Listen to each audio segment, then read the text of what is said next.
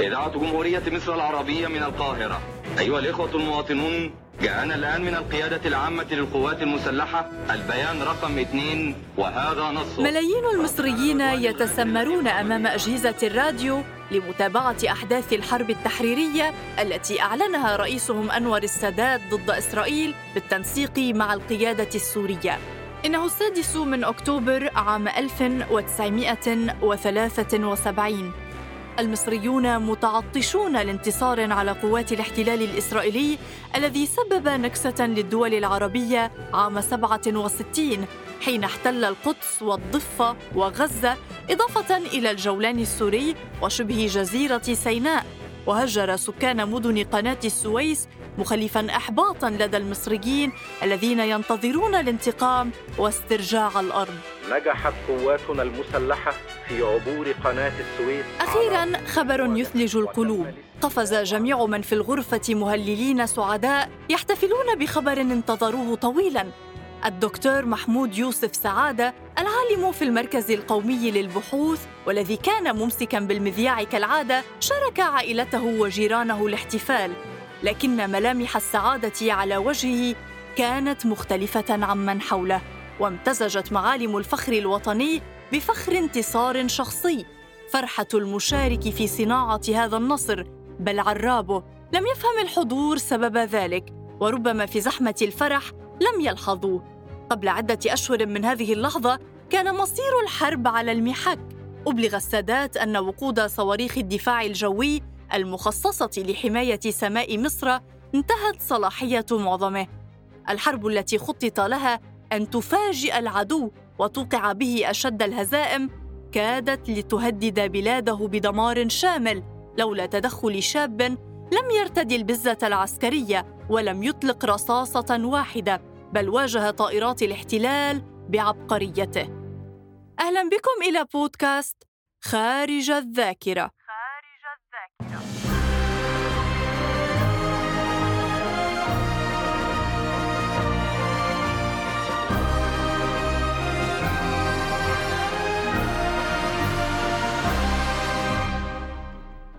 بدأت القصة في مطار القاهرة في الثامن من أيار مايو عام 1972 فجأة يتم توقيف 71 خبيرا روسيا مع أفراد عائلاتهم كانوا متوجهين إلى موسكو. قامت أجهزة المطار بتفتيشهم بحثا عما قيل إنه ذهب مصر يقومون بتهريبه. بعد شهرين أبلغ السادات السفير السوفيتي قرار إنهاء مهمة الخبراء العسكريين السوفيات في مصر.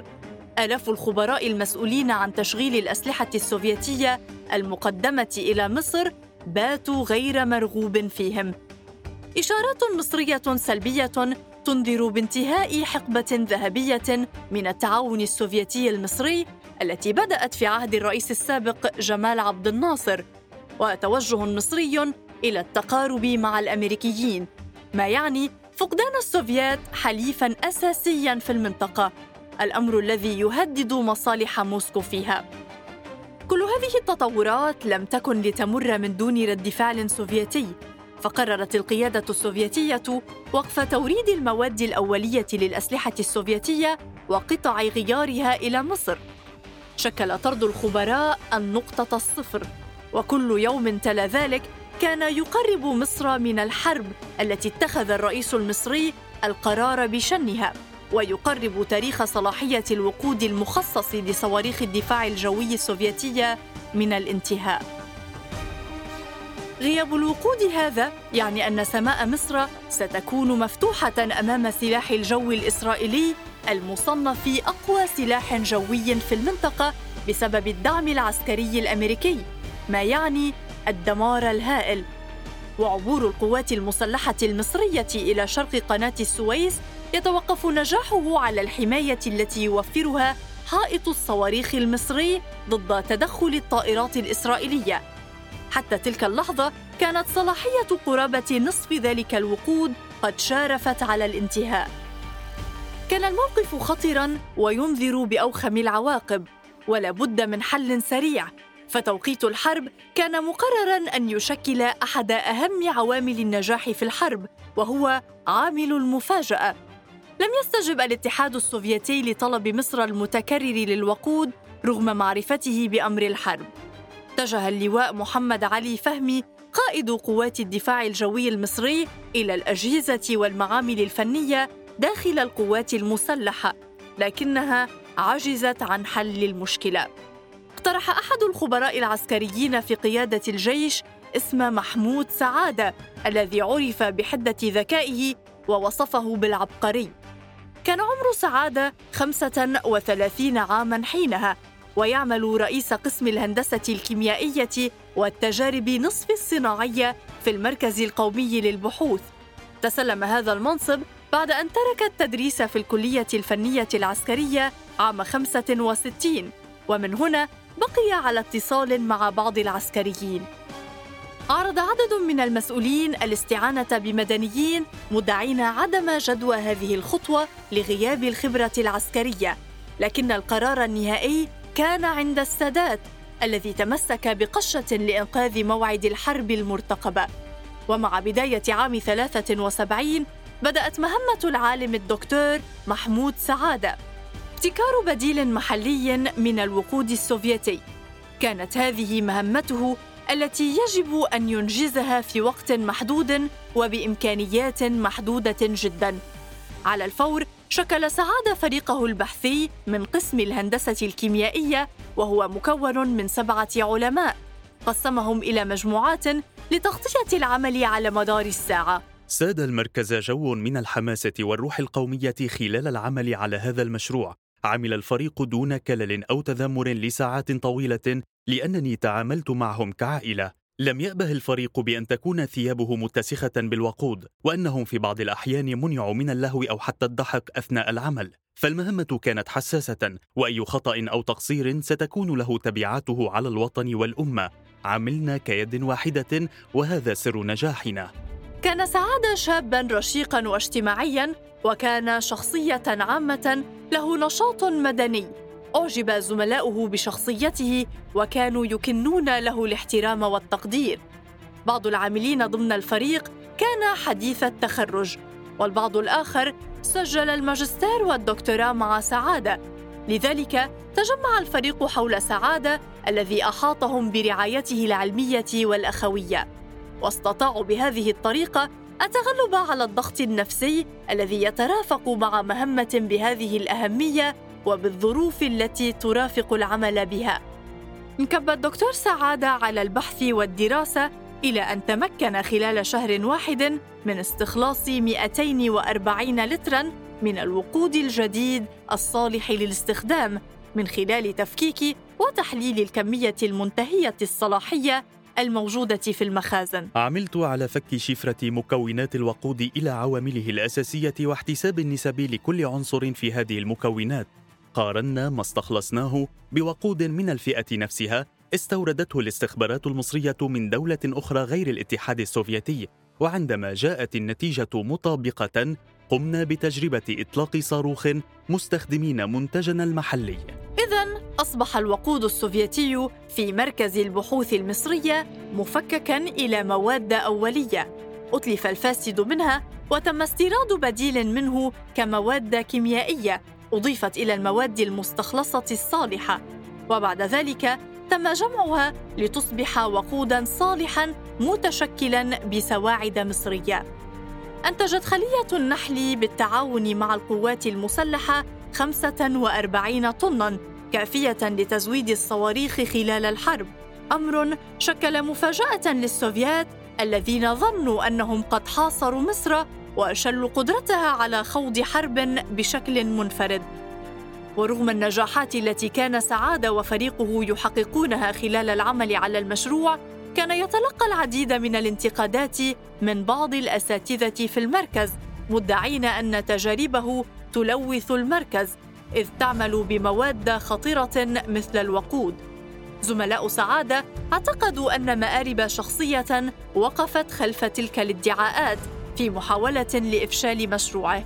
غير أن ايا من هذه التعليقات والادعاءات لم تؤثر على عمل سعادة الذي تطلع إلى المصلحة الأشمل.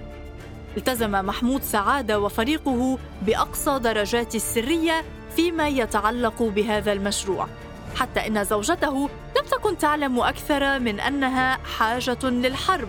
كان مضطرا إلى إخبارها لكونه كان يقضي ساعات وليال طويلة خارج المنزل بهدف العمل على المشروع.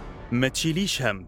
أنا بعمل حاجة مهمة للبلد. ولم يعلم أبناؤه بأي شيء إلا عندما أصبح سعادة على فراش الموت.